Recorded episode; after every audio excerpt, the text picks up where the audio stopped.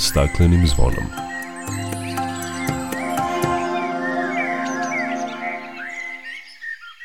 Dobar dan, dobrodošli na Zeleni talas prvog programa radija Radio Televizije Vojvodine. Ja sam Dragana Ratković. Povodom Dana šuma u Novom Sadu je održan naučni skup posvećen zelenoj arhitekturi u eri klimatskih promena. Čućete zašto je važno da zelenilo bude zastupljenije u gradovima, koja je uloga travnjaka u zelenoj arhitekturi i kakva su iskustva u podizanju zelenila u Beču, jednom od najzelenijih evropskih gradova. Biće reči i o sadnji drveća u Plandištu, Vršcu i Kikindi. Svi znamo koliko nam se klima promenila i da sve češće imamo ekstremne vremenske prilike. Povodom Svetskog dana meteorologije, koji je obeležen 23. marta, govorit ćemo o ranom upozorenju i akcijama za smanjenje rizika od katastrofa, kao i kako je ove godine obeležena najveća globalna akcija u borbi protiv klimatskih promena Sad za našu planetu. Toliko u najavi emisije, o svemu opširnije nakon pozdravne pesme.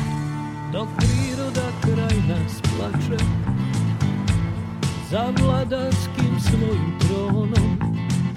Tužno vele narikače Pod staklenim nismo zvonom. Znaj vazduha više nema Sve manje je i ozona. Protiv sebe ide čovek I to često bez pardona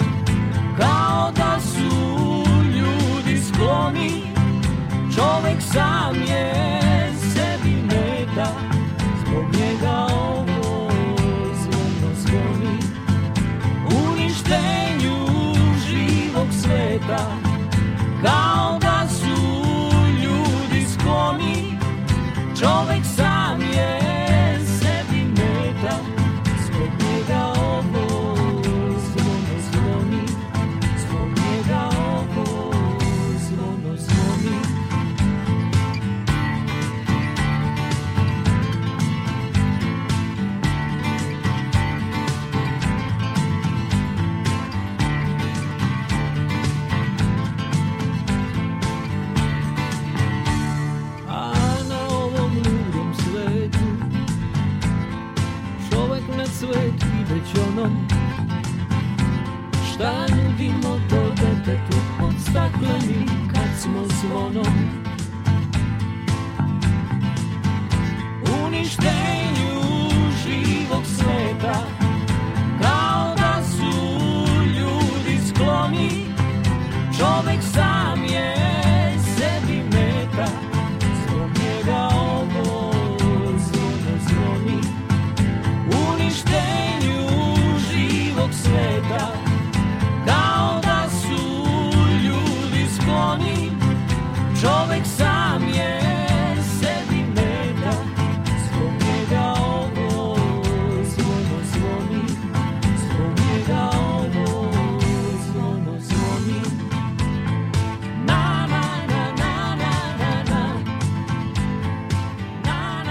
Radi zaštite životne sredine i smanjenja zagađenja u gradskim sredinama, neophodno je da zelena arhitektura bude zastupljenija, ukazali su stručnjaci na naučnom skupu u Novom Sadu nazvanom Zelena arhitektura u eri klimatskih promena u gradovima Evrope, održanom povodom Svetskog dana šuma zastupljenost urbanog zelenila u Srbiji i regionu, ozelenjavanje Novog Sada kao i unapređenje pejzažne arhitekture i hortikulture neke su od tema skupa, pripremila Maja Stojanac.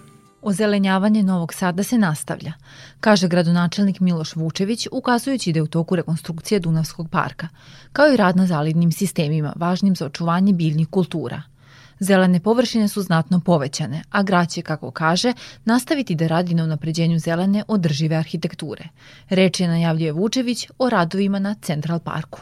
To je park koji će površinski biti zaista veoma impozantan. Sa pešačkom pasarelom će se spojiti sa novim parkom koji smo otvorili, a pozicija centra parka će biti oko oranžirne stanice. Znači na ultraurbanom delu grada između nove detilinare, novog naselja dobit ćemo jednu zelenu azu. Novosadski poljoprivredni fakultet različitim aktivnostima doprinosi u napređenju šumarstva i zelene arhitekture, kaže dekan te ustanove Nedeljko Tica i naglašava da je Novi Sad pre svega zeleni grad.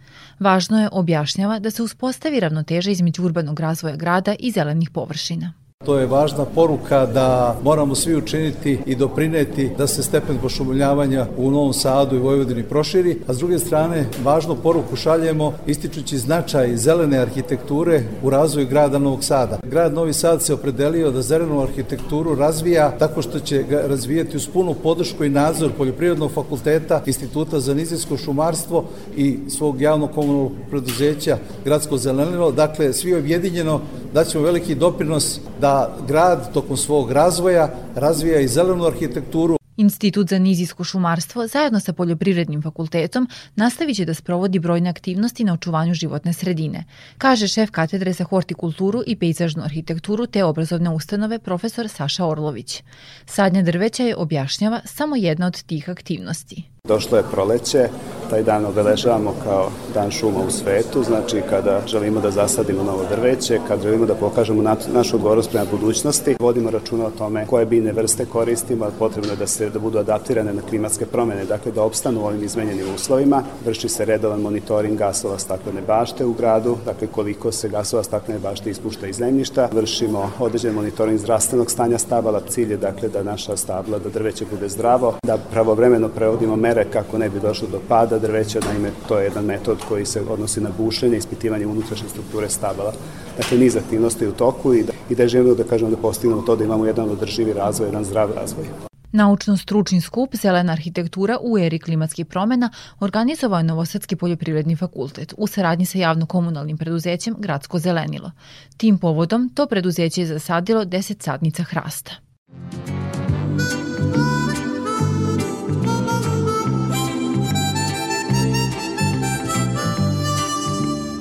Broj stanovnika u gradovima raste. Iako gradovi zauzimaju samo 3% površine, u njima stanuje više od polovine svetske populacije.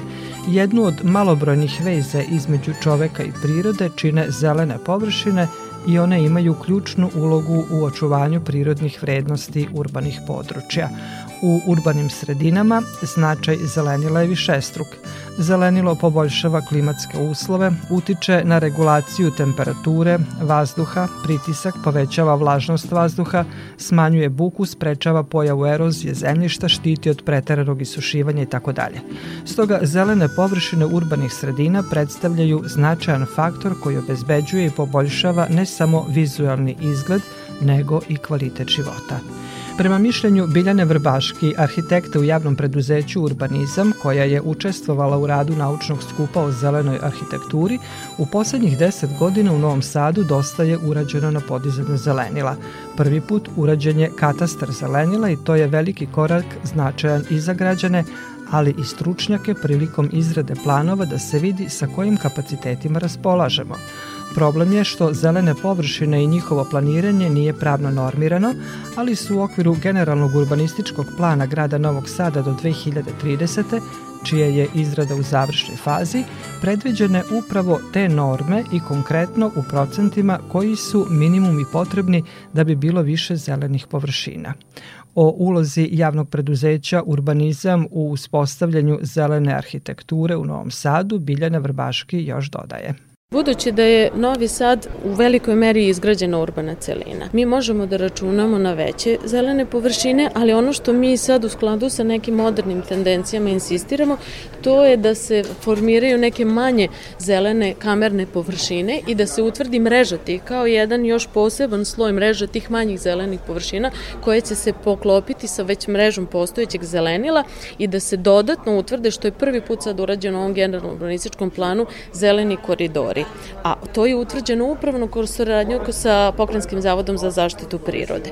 Tako da ta znači multidisciplinarnost, saradnja između institucija, saradnja sa fakultetom, saradnja sa relevantnim stručnjacima koji zaista dobro rade svoj posao, to je stvari ključ uspeha, ali šta je jako bitno, bitna je i saradnja svih tih institucija i nas sa jedne strane sa donosiocima odluka, jer mi možemo da planiramo i mi možemo da radimo analize i studije, ali dok neko ne prepozna koliko su stvari te ovaj, značajne površine i dok neko ne prepozna da je potrebno, prvo uvek se kreće od ekspropriacije, znači od pribavljanja zemljišta za tu zelenu površinu, znači dok donosioci odluka, oni koji upravljaju gradom ne prepoznaju taj značaj, a mi u ovom slučaju imamo jako veliko razumevanje sa njihove strane, onda ta cela priča prosto bez tog prepoznavanja ne može da dobije taj kraj kakav svi želimo i očekujemo i kakav taj neki konačan kvalitet u prostoru.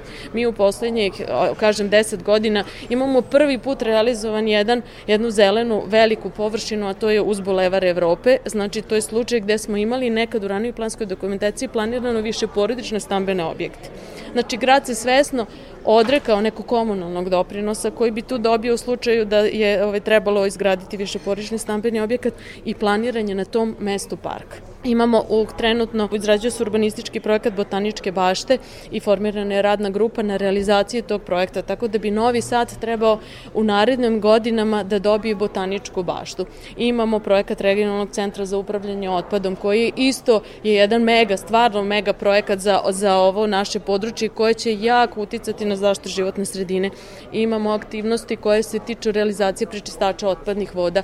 Znači, jako puno toga je ovaj, urađeno u ovoj, ovoj oblasti zaštite životne sredine i kad su zelene površine u pitanju, ali ne može to da se gleda samo tako jednostrano. To je prosto jedan složen sistem i sve je povezano jedno sa drugim. Kada govorimo o urbanom zelenilu, obično mislimo na drveće, a značajne zelene površine čine i travnjaci.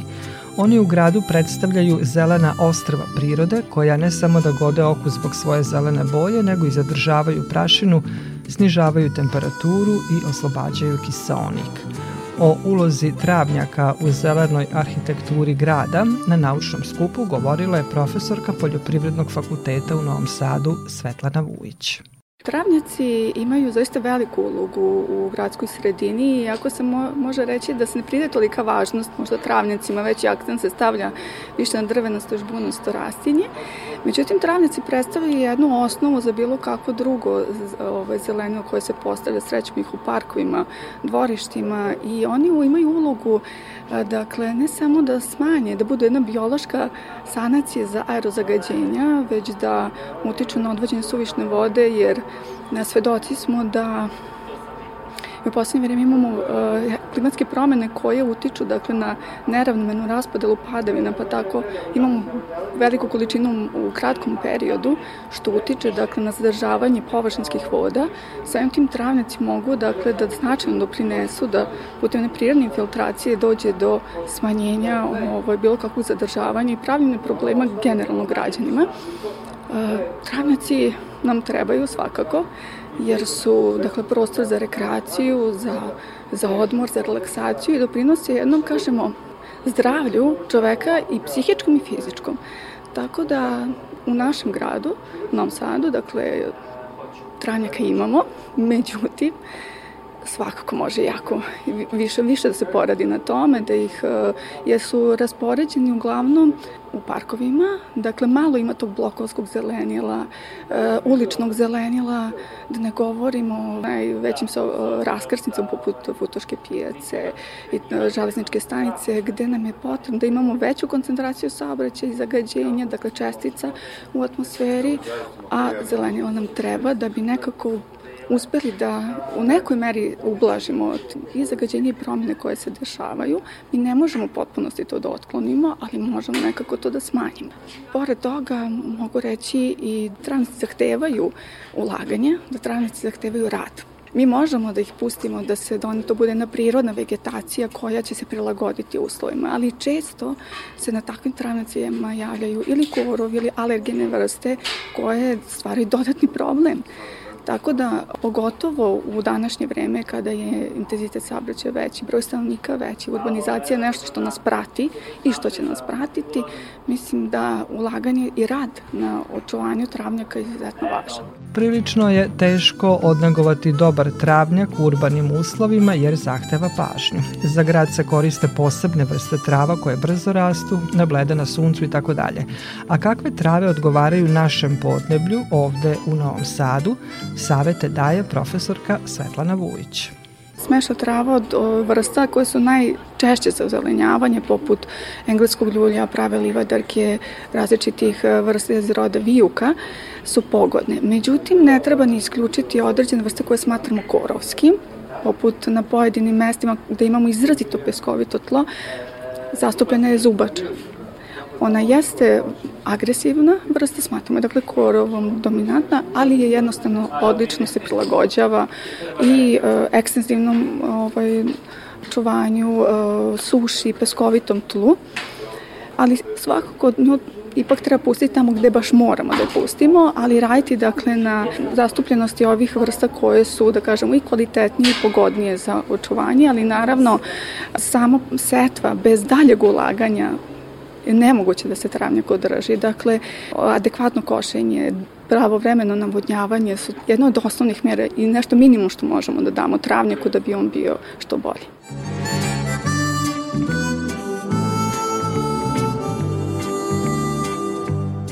Evropska unija preporučuje da svaki grad treba da ima između 20 i 25 odsto zelene površine, sve ispod toga znači da njegovi stanovnici nemaju dovoljno čistog vazduha. Beč je pre dve godine izabran za najzeleniji grad na svetu, ali i dalje radi na povećanju zelenih površina, iako čak 53% gradske teritorije zauzimaju zelenilo i parkovi. Osim toga, to je jedan od redkih gradova sa nacionalnim parkom u okviru grada, parkom Donauauen. U Beču trenutno ima oko 850 parkova i radi se na podizanju novih zelenih površina. Da bi se u centralnim delovima grada smanjila temperatura u letnjim mesecima zbog zagrevanja asfalta, betona i krovova zgrada, grad namerava da ozeleni brojne fasade, stanice javnog prevoza i tako dalje. Od velikog su značaja i drveća po ulicama i parkovima. U čitavom gradu ima oko 480.000 drveća, a svake godine se zasadi oko 3.000 novih stabala. Grad Beč poslednjih decenija održava poznatu akciju Šuma mladih Bečlija, u kojoj se svake godine posadi više hiljada stabala, tako da je Beč svake godine sve zeleniji grad. O izazovima sa kojima se susreću urbane sredine zbog promene klime i kakva su iskustva u podizanju zelenila u Austriji i Beču, za našu emisiju govori Silvana Ajdinović, pejzažni arhitekta koja radi u tom zelenom gradu. Prvenstveno treba da budemo svesni šta, šta nam se dešava. Treba da budemo svesni problematike, da izanaliziramo u kom smo podneblju, koji su nam problemi, kako bi znali šta da promenimo. Mi ne možemo da promenimo klimatske promene, dešavaju se. Možemo da ih ublažimo, Urbano-gradsko zelenilo može da umanji u svakom slučaju kako temperaturu, tako i uticaje kroz razne vrste planiranja, vertikalno ozelenjavanje, krovno ozelenjavanje, korišćenje drugačije vrste materijala. Naravno da tu postoji komplikacija, ali ne želim da se fokusiram na komplikacije, nego na način kako to da izvedemo, kako da uvedemo pravila da to postane nešto normalno za budućnost. Ja sam pejzažni arhitekta i radim u kompaniji, ovo je već sedma godina, uređujem zelene površine, odgovorna sam za planiranje zelenih površina. Tako da koje je iskustvo? Iskustvo je to da u Beču, to je u Austriji, već postoje određena pravila ozelenjavanja, što znači da e, već smo fokusirani na to kako bi trebala da nam izgleda budućnost. Imamo neke zabrane gradnje unapred. Preporučljivo je da se više ne grade zgrade sa kosim krovovima. Zbog čega? Zato što onda imamo mogućnost krovnih vrtova. Šta da radimo sa kišnicom? Imamo pravila od kojih više ne smemo da odstupamo. Mislim da to iskustvo do koje nosim sa sobom je jako bitno i za Novi Sad i jako bi želela da se to i ovde ostvari. Naravno, drugačije su nam okolnosti. Mi ne možemo da poredimo Austriju ili Beč sa Novim Sadom, ali s druge strane mi smo na jako dobrom putu. Motivisani smo, znamo šta radimo i želimo da promenimo na neki način, što, kako, kao što se pregovorilo, želimo da promenimo svet. Idemo malim, ali sigurnim koracima. Ja mislim da je Novi Sad na pravom putu. No, no, no.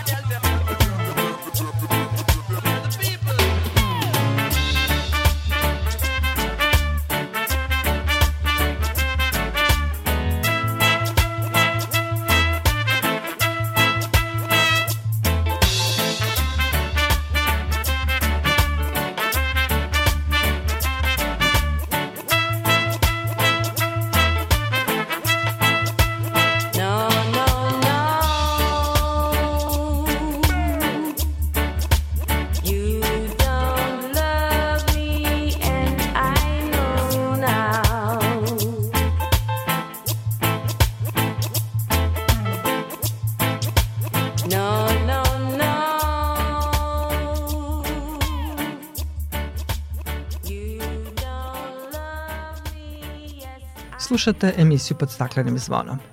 EU Infopoint Novi Sad i odred izviđača Ivo Lola Ribar u Novom Sadu zajednički su obeležili Međunarodni dan šuma i dan voda akcijom čišćenja prirode. Tačnije, očistili su deo obale i šumice od plaže Oficirac do Dunavskog rukavca kod Čarte Šaran. Proleće je pravo vreme za sadnju i mnoge lokalne samouprave nastavile su akcije pošumljavanja i ozelenjavanja. Prema zvaničnim podacima, Vojvodina je i dalje najmanje pošumljena regija u Evropi. Opština Plandište spada u područje sa najmanjim procentom šumovitosti u našoj zemlji sa svega 0,5%. Pod šumama je samo 167 hektara. Javno preduzeće Vojvodina šuma je mesnoj zajednici Jermenovci doniralo 1000 komada sadnica topole proizvedenih u okviru rasadničke proizvodnje šumskog gazdinstva Banat Pančevo, koje su posađene na mestu bivše divlje deponije kao i po obudu sela, gde će biti podignut vetrozaštitni pojas.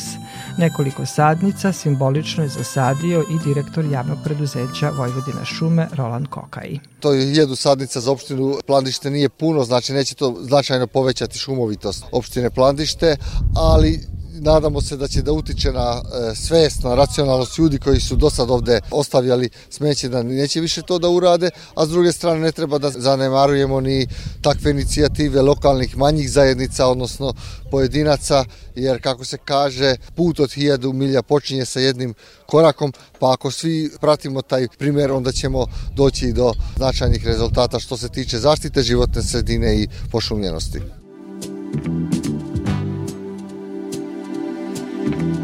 Već smo spominjali Kikindu kao dobar primer lokalne samouprave koja svesna da ima izuzetno nizak procenat zelenila, poslednjih godina je učinila značajan pomak u oblasti pošumljavanja i ozelenjavanja.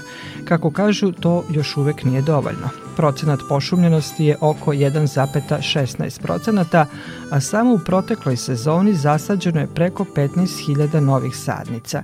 Ipak taj važan posao na zaštiti životne sredine traži dalja ulaganja i brigu svih nas kaže sekretarka Gradskog sekretarijata za zaštitu životne sredine u Kikindi Miroslava Nančić. Nekoliko desetina hektara smo do sada pošumile, evo samo konkretno uh, od jeseni 2021. Evo sad završavamo, znači prolećni uh, sadni period 2022. godine. Ukupno smo uh, preko 8 hektara, znači u tom periodu koji sam navela u van građevinskom reonu pošumili sa bagremom i hrastom lužnjakom u nekoliko katastarskih opština. To je preko 12.000 sadnica u vetrozaštitnim pojasevima i na eto parcelama u vangrađevinskom reonu. Isto tako, oko 3000 sadnica posuđeno u gradskom građevinskom reonu.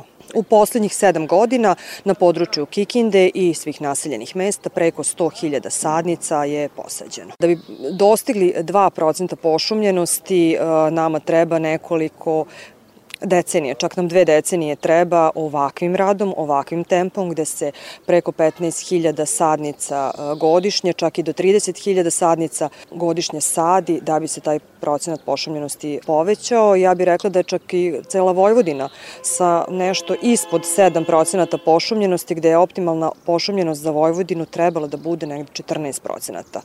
Uopšte Vojvodina treba da radi na pošumljavanju površina koje su i u građevinskom reonu, znači i u van građevinskom reonu.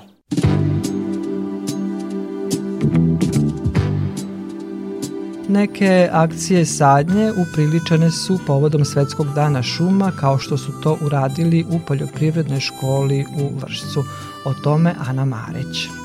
Tokom prolećne sadnje u okviru kompleksa poljoprivredne škole biće posađeno 1000 stabala jabuka, 250 kalemova vinove loze i oko 80 stabala ukrasnog drveća, četinara, ukrasnog žbunja i sadnica redkih vrsta u kompleksu novoformiranog parka. Izvršena je sanitarna seča stabala zasađenih pre više od pola veka, te se sadnjom novih sadnica zanavljaju stari i formiraju novi drvoredi i parkovi. Pretežno su stradali četinari, umesto tih četinara znači, biće posađeno dosta novog e, četinarskog bilja, biće tu i listopadnog, ali ono što je jako zanimljivo to je da će poljoprivredna škola, pored ovog parka koji se zanavlja, da kažemo, formirati jedan potpuno novi park. On se nalazi uh, u krugu škole iza same zgrade, na mestu gde je poljoprivredna škola u stvari nastala 1921. godine. Novi Park biće tema narednog konkursa za izbor imena parka za učenika koji aktivno učestvuju u sadnji, primenjujući stečeno znanje. Držimo stabo i, i sadnicu sa dve ruke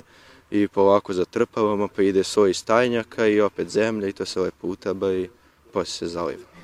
Većinu sadnje učenici odrade s profesorima naravno. Grad Vršac završava prolećnu sadnju u saradnji sa svima koji su imali volju da ozelene svoj grad. Sadili smo hiljadu stabala crnog oraha, mečije leske i lipe, opet zajedno sa završnim razredima srednje škole i sa volonterima zelenim, odnosno sa nekim nevladinim organizacijama koje su se pridružili jednoj toj lepoj akciji. Za jesen je planirano veliko pošumljavanje i podizanje vetrozaštitnih pojaseva, a kontinuirano se radi na podeli medonosnih sadnica pčelarima i zasada građanima.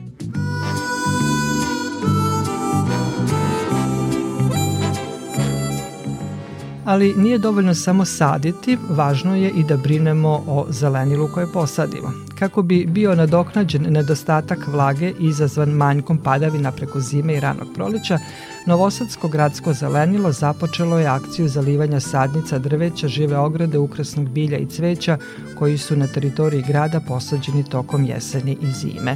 Dopunsko zalivanje bilja sprovodi se na kvartovskim i uličnim zelenim površinama gde ne postoji sistem za zalivanje u Futoškom, Dunavskom, Limanskom i Novom parku, kao i na Bulevaru Evrope, izgrađeni su zalivni sistemi koji u značajnoj meri olakšavaju posao zalivanja, kažu u gradskom zelenilu u Novom Sadu.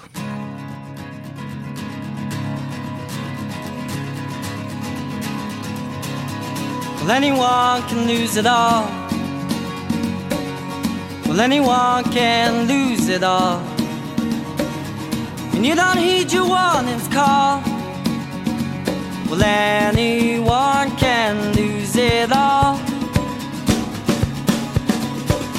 Well, anyone can make a mess.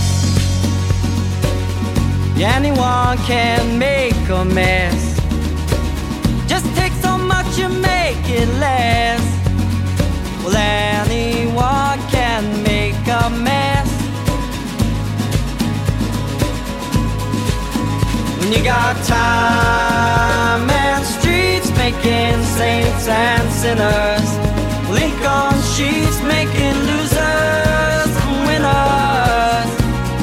Let's know what your dreams should be.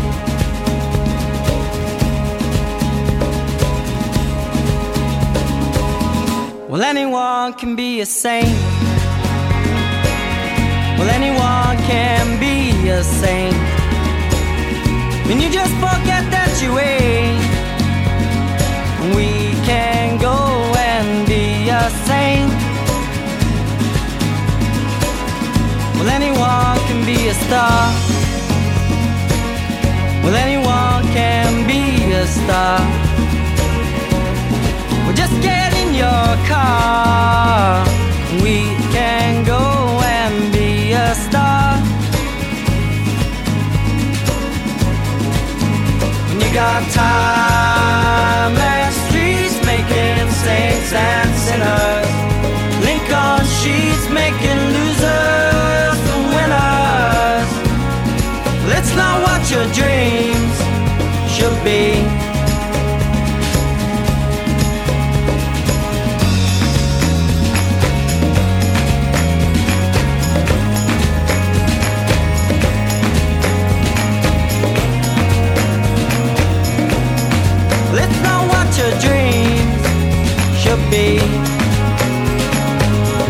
Know, I wish we'd had more time. You know, I wish we'd had more time. You know, I think it was a crime. The things we'd waste, trying not to waste our time. You got time and streets making saints and sinners. Lincoln sheets making losers your dreams should be. When you got time streets making ends for beginners. Shuffling feet on these losers and winners. Let's what your dreams should be.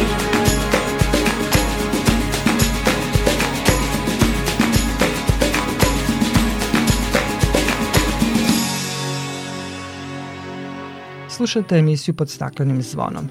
Svetski dan meteorologije obeležava se svakog 23. marta u znak sećanja na dan osnivanja Svetske meteorološke organizacije koja se bavi proučavanjem procesa i stanja atmosfere, klime i voda.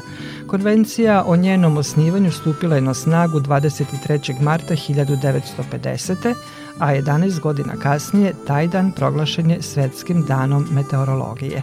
Svi znamo koliko nam se klima promenila i da su sve češće ekstremne vremenske prilike. Stoga je ove godine Svetski dan meteorologije bio posvećen ranom upozorenju i akcijama za smanjenje rizika od katastrofa. tim povodom sa nama Slobodan Sovilj iz Republičkog hidrometeorološkog zavoda Srbije. Gospodine Sovilj, dobrodošli na talase Radio Novog Sada. Dobar dan iz Republičkog hidrometeorološkog zavoda Srbije. Gospodine Sovilj, poslednjih godina sve češće pratimo prognozu, ali i vaše upozorenje kada je u pitanju pogoršanja vremena i najava nekih ekstremnih vremenskih događaja.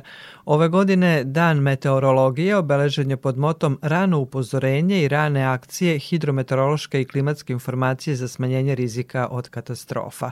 Ovo nam zvuči dosta nerazumljivo, pa vas molim da nam objasnite razliku između hidrometeoroloških i klimatskih informacija. Nama se to čini da je to sve jedno te isto. Ako govorimo o vremenskim ekstremnim događajima, onda je ovaj sistem baziran na meteo i hidroalarmu. Meteoalarm, za koji verujem da smo svi već čuli, se izdaje za 72 sata unapred. I za praktično svaku meteorološku pojavu, da li je u pitanju ekstremno visoka, na primjer, ili niska temperatura, padavine, obilan sneg, olujni vetar, uspostavljeni su a, jasni kriterijumi i četiri nivoa upozorenja. Ti nivoji upozorenja su zeleni, žuti, naranđasti i crveni stepen i ova upozorenja se praktično po regionima svakodnevno izdaju i dostavljaju sektoru za vanredne situacije, a javnosti i medijima su dostupni na sajtu Hidrometeorološkog zavoda Srbije. S druge strane, klima je nešto, kako bi pojednostavljeno rekli, prosečno ili uobičajeno vreme tokom dužeg niza godina. Klimatolozi najčešće uzimaju u obzir 30-godišnje periode. I sada ako se sagleda da ta prosečna temperatura godiš tokom tog perioda raste, a raste i broj ekstremnih događaja, onda se dodatno postavlja pitanje kako možemo delovati ili ublažiti posledice ovakvih klimatskih promena. I upravo ova tema koju imamo ove godine datu, rano upozoravanje i rano delovanje, ima za cilj da istakne značaj kako meteoroloških, tako i klimatskih ekstrema i delovanja na njih. Ako govorimo o klimatskom delovanju, ono ne može ostati u granicama ili okvirima jedne države, nego je to praktično pitanje celokupne planete, s obzirom da se bazira na smanjenju upotrebe fosilnih goriva, koja su označena kao zapravo glavni krivac za porast temperature. Rekli ste da klimatsko delovanje se ne može ograničiti na jednu državu. Koliko je važna saradnja sa drugim državama u okruženju kada su klimatski ekstremi u pitanju? U svakom slučaju je potrebna saradnja, pre svega ako govorimo o aspektima vremenskih ekstremnih događaja, prosto može da se dogodi da u našem okruženju nastane olujni oblak e, sa e, gradom olujnim vetrom, dakle koji e, proizvodi i materijalnu štetu i koji možemo okarakterisati kao naranđasto ili crveno upozorenje i koji praktično u zavisnosti od strujanja koje je tog dana prisutno na da kažemo na području Srbije, ali i u okruženju, dostava na teritoriju naše države. Dakle, ta međunarodna saradnja, saradnja je presudna. Poslednju deceniju svedoci smo promeni klime. Ono što smo svi zapazili je to da naša zemlja i područje Balkana je nekako posebno izloženo klimatskim promenama i beležimo sve toplije godine. Mi smo imali od 1961. do 90. prosečnu temperaturu primera radi za područje Beograda od 11,9 stepeni. Do današnjeg dana prosečna godišnja temperatura je porasla do između 14 ili 15 stepeni koliki je prosek bio za poslednjih 10 godina, odnosno praktično varijacija te srednje godišnje temperature. Prosto zato je tu potrebno uključiti dakle sve službe i ne samo Republički hidrometeorološki zavod, nego i sektor za vanredne situacije, ali i medije koji bi na adekvatan način i pravovremeno mogli da obaveštavaju i upozoravaju građane o dakle svim aspektima i svim aktuelnostima na tom polju. Pamtimo svi one istorijske poplave 2014. Koliko su prognoza pomogle da se smanji rizik od tih ekstremnih događaja? Pazite, jeste 2014. godina bila veoma kritična. U maju mesecu pale izuzetno velike količine padavina koje od početka merenja, dakle od druge polovine 19. veka nisu zabeležene do sada još na našem području. Tu su i dnevni maksimumi količine padavina od preko 100 litara po kvadratnom metru širom zapadne centralne Srbije, uključujući i područje Beograda. Na tom području je bilo tada najviše problema. Ono što je tu bitno jeste da od e, hidrometeorološkog zavoda preko sektora za kažemo, domenu, može da vidi koji, da kažem, delovi sistema su najranjiviji i gde treba pojačati otpornost sistema u smislu odbrane od ovakvih elementarnih nepogoda. Što se tiče konkretno Republičkog hidrometeorološkog zavoda Srbije, ovakve pojave, na njih se ne može upozoriti nedeljama unapred, ali se može upozoriti 3, 4, 5 dana unapred, upravo zbog toga je implementiran sistem najava i upozorenja koji se bazira na meteoalarmu. Mi smo tada izdali najviši mogući stepen upozorenja sa procenjenom količinom padavina za ovo područje. Ono što je ovde bitno reći jeste da mi prirodne katastrofe ili prirodne nepogode u najvećem broju slučajeva ne možemo da sprečimo.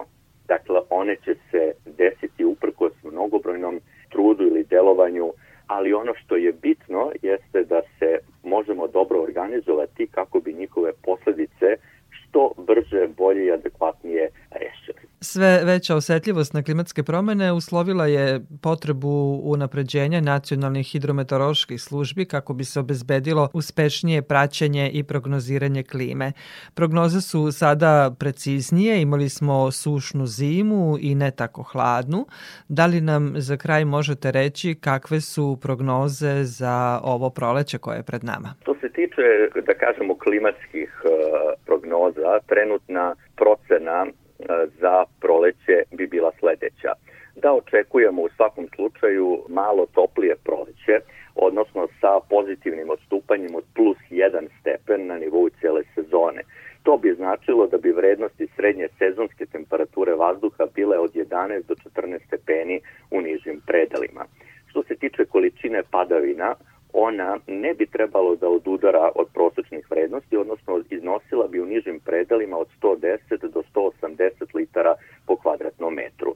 Narednih 7-8 dana očekujemo stabilno vreme na području Srbije, a pojavu prvih padavina tek na samom kraju marta meseca, što bi praktično značilo da bi u aprilu i maju imali nešto malo veću količinu padavina u odnosu na prva tri meseca ove godine. Ipak nema naznaka nekih obilnih padavina u skorijem e, periodu.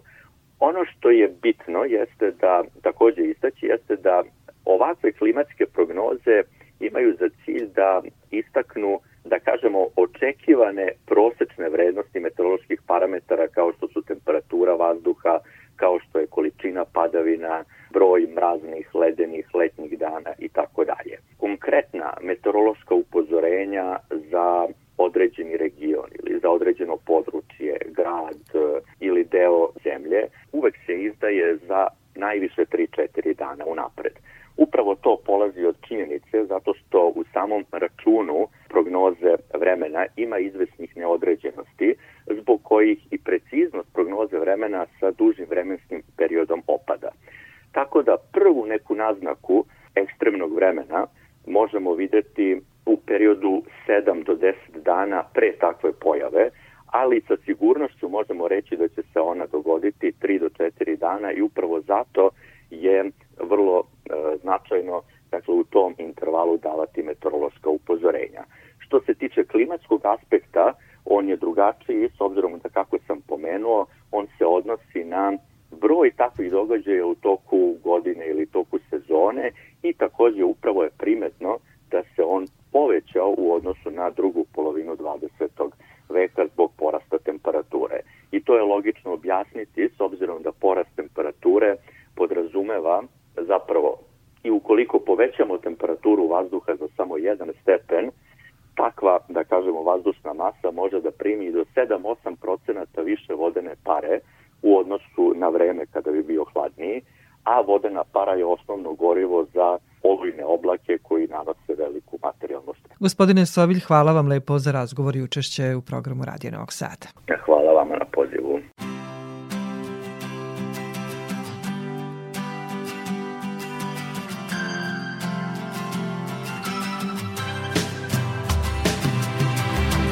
I want it now. I want it now. Not the promises of what tomorrow brings. I need to live in dreams today. I'm tired of the song that sorrow sings, and I want more than I can give.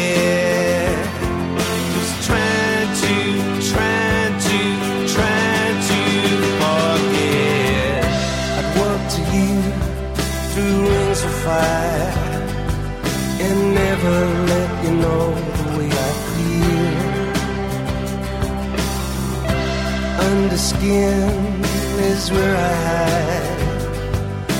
Love that always gets me on my knees. And I want more than I can give. Just trying to, trying to, trying to forget. Nothing ever lasts forever.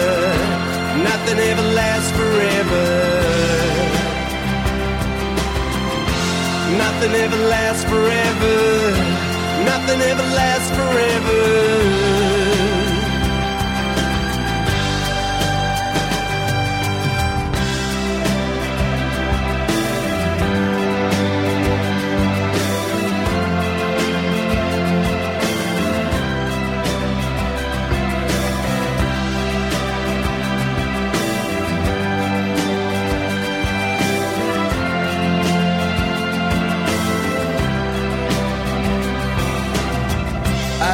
It now.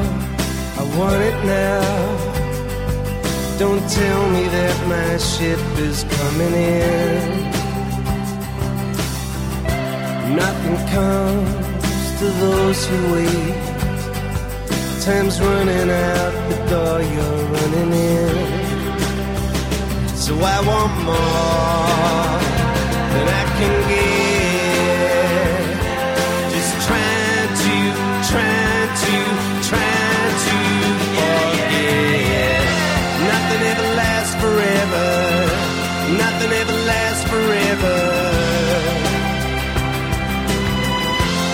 Nothing ever lasts forever. Nothing ever lasts forever.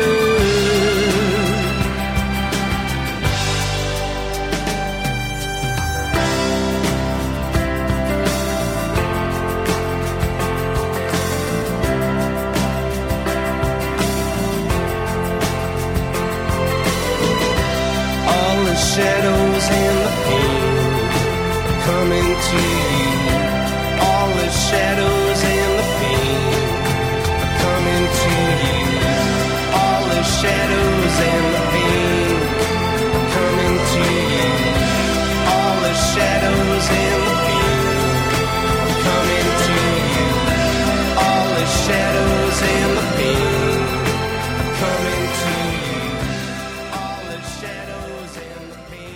Slušate emisiju pod staklenim zvonom.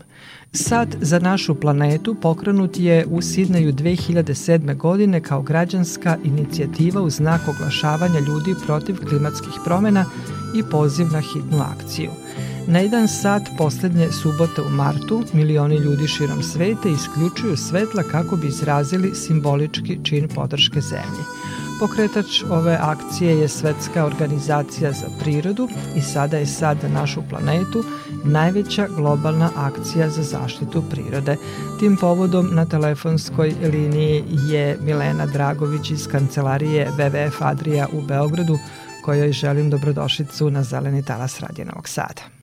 Dobar dan i hvala na pozivu. Milena, sad za našu planetu postao je najveća svetska volonterska akcija za očuvanje planete, čiji cilj nije samo simbolično gašenje svetla na jedan sat i uštede energije, nego smo postali na neki način i svesni problema u kojim se naša planeta nalazi zbog klimatskih promena, koje zbog uticaja čoveka uzimaju sve više maha i utiču na život na planeti. Upravo tako, još od 2007. godine ova akcija se obeležava širom sveta, započeta je u Sidneju, ali je ubrzo dobila veliku popularnost u mnogim državama, tako da smo već i prethodnih godine imali rekorde po broju država koje su se priključile, tako da sada to čini broj koji je viši od 190 zemalja. Srbija je deo ove akcije još od 2009. godine i mi smo takođe ponosni na to što smo sve više ljudi, pojedinaca, institucija i kompanija uspeli da okupimo u ovoj akciji. Ona upravo i tome služi da svake poslednje subote u martu mesecu podsjetimo, ponovo ukažemo na posledice koje postoje po prirodu, nažalost često izazvane ljudskim uticajem, ali isto tako da prenesemo tu pozitivnu poruku koliko zapravo mi možemo da doprinesemo zaštiti prirode i da svaki naš korak, svaki naš potez usmeren ka zaštiti prirode svakako jeste koristan. Čak i kada je to briga o tome da li ćete u vašem domu ugasiti svetlo i prosto nekako obratiti pažnju koliko resursa prirodnih koristimo, a kako to možemo da smanjimo. Sad za našu e, planetu, on je upravo i osnovan kao pokret kako bi se ujedinio svet u podršci e, ljudima, ali i planeti Zemlji i hteli smo prosto da stvorimo pozitivan uticaj na e, prirodu kroz mnoštvo ljudi. I tako i ove godine zapravo želimo da ukažemo na ubrzani pad biodiverziteta u čitavom svetu i zapravo da ukažemo na divlje vrste koje su ugrožene, koje su to stvari kojima mi doprinosimo toj ugroženosti i šta možemo da uradimo da to promenimo. Poslednjih nekoliko godina obeležavanje akcije Sad za našu planetu je nešto drugačiji. Imali smo pandemiju, ove godine pandemiju i energetsku krizu. Prošle godine i pretprošle e, Sad za našu planetu održavao se online. Kako e, je obeležen ove godine Sad za našu planetu? Jeste, imali smo u prethodnim e, godinama izazovne situacije i svakako smo i mi pronalazili koji je najbolji način da komuniciramo i ovu našu ključnu temu, kako zapravo u tim izazovnim vremenima i dalje možemo da se okrenemo prirodi i doprinesemo njenoj zaštiti. Ove godine odlučili smo da sad za našu planetu obeležimo jednim događajem u Beogradu, konkretno u Silosima Beograd, e, gde smo oslikali mural e, čiji glavni akter, glavni lik tog murala jeste divlja pčela, koju smatramo simbolom biodiverziteta. Divlje pčele su jedni od najvažnijih insekata na svetu i kao glavni polinatori, zahvaljujući njima, imamo raznovrsnost hrane koja nam je dostupna i bez njih zapravo ne bi bilo života na zemlji, odnosno on bi bitnije drugačije izgledao. Mi smo hteli da ove godine ukažemo na brojnost divljih pčela u našem regionu. Samo na Balkanu postoji oko hiljadu vrsta divljih pčela i između ostalog WWF je nedavno izdao i publikaciju koja govori o vrstama divljih pčela zašto su one posebne i na koji način možemo da ih zaštitimo.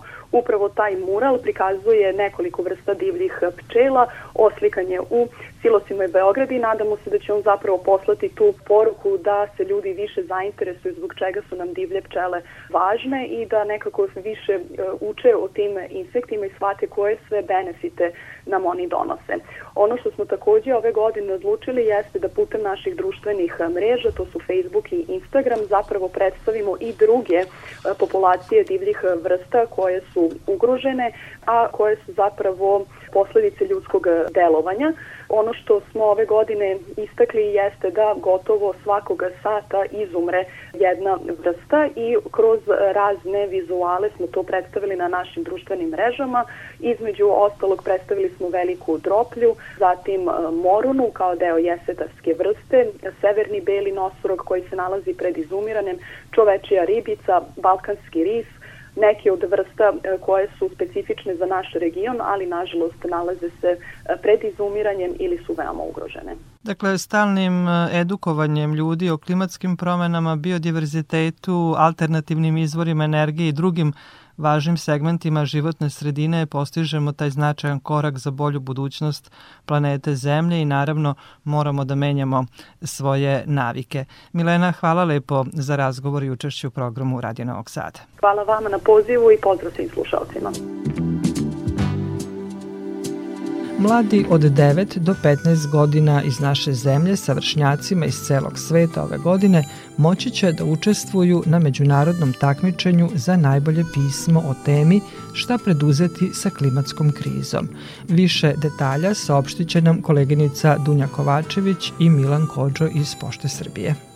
Svetski poštanski savez organizuje međunarodno takmičenje, a ovogodišnja tema je Napiši pismo uticajnoj osobi i objasni zašto i šta treba da se preduzme u vezi sa klimatskom krizom. Takmičenje se u kontinuitetu održava već 51 godinu širom sveta.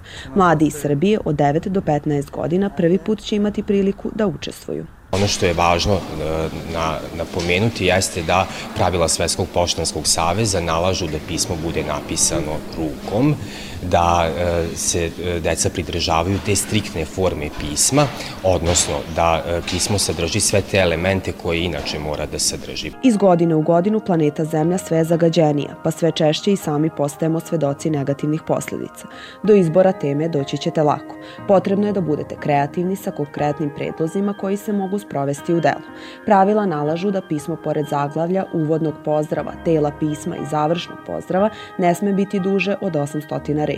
Takođe, potrebno je pored pisane verzije priložiti i elektronski prepis, odnosno verziju prekucanu na računaru. Konkurs e, traje mesec dana od 22. marta do 22. aprila ili simbolično ako već govorimo o ekologiji i e, klimatskim promenama, onda od Svetskog dana voda do dana planete Zemlje. Kriterijumi za ocenu biće naravno jeli, struktura, odnosno forma pisma, e, zatim pridržavanje teme, kreativnost i upotreba jezika. Adresa na koju se šalju radovi je Pošta Srbije, Poštanski pregradak 911.000 Beograd 6, sa naznakom konkurs pismo uticajnoj osobi u vezi sa klimatskom krizom. Sva pravila konkursa nalaze se i na sajtu Pošte Srbije, kao i na njihovim zvaničnim Facebook i Instagram profilima. Pobednik će imati tu čast da predstavlja svoju zemlju pred međunarodnim žirijem u Ženevi. Toliko za ovo izdanje emisije pod staklenim zvonom koju možete slušati i odloženo na podcastu Radio Televizije Vojvodine na adresi rtv.rs. Na pažnji vam zahvaljuju Violeta Marković, Zoran Gajinov i Dragana Ratković. Sledeći susret zakazujemo za sedam dana u isto vreme na zelenom talasu prvog programa radija Radio Televizije Vojvodine.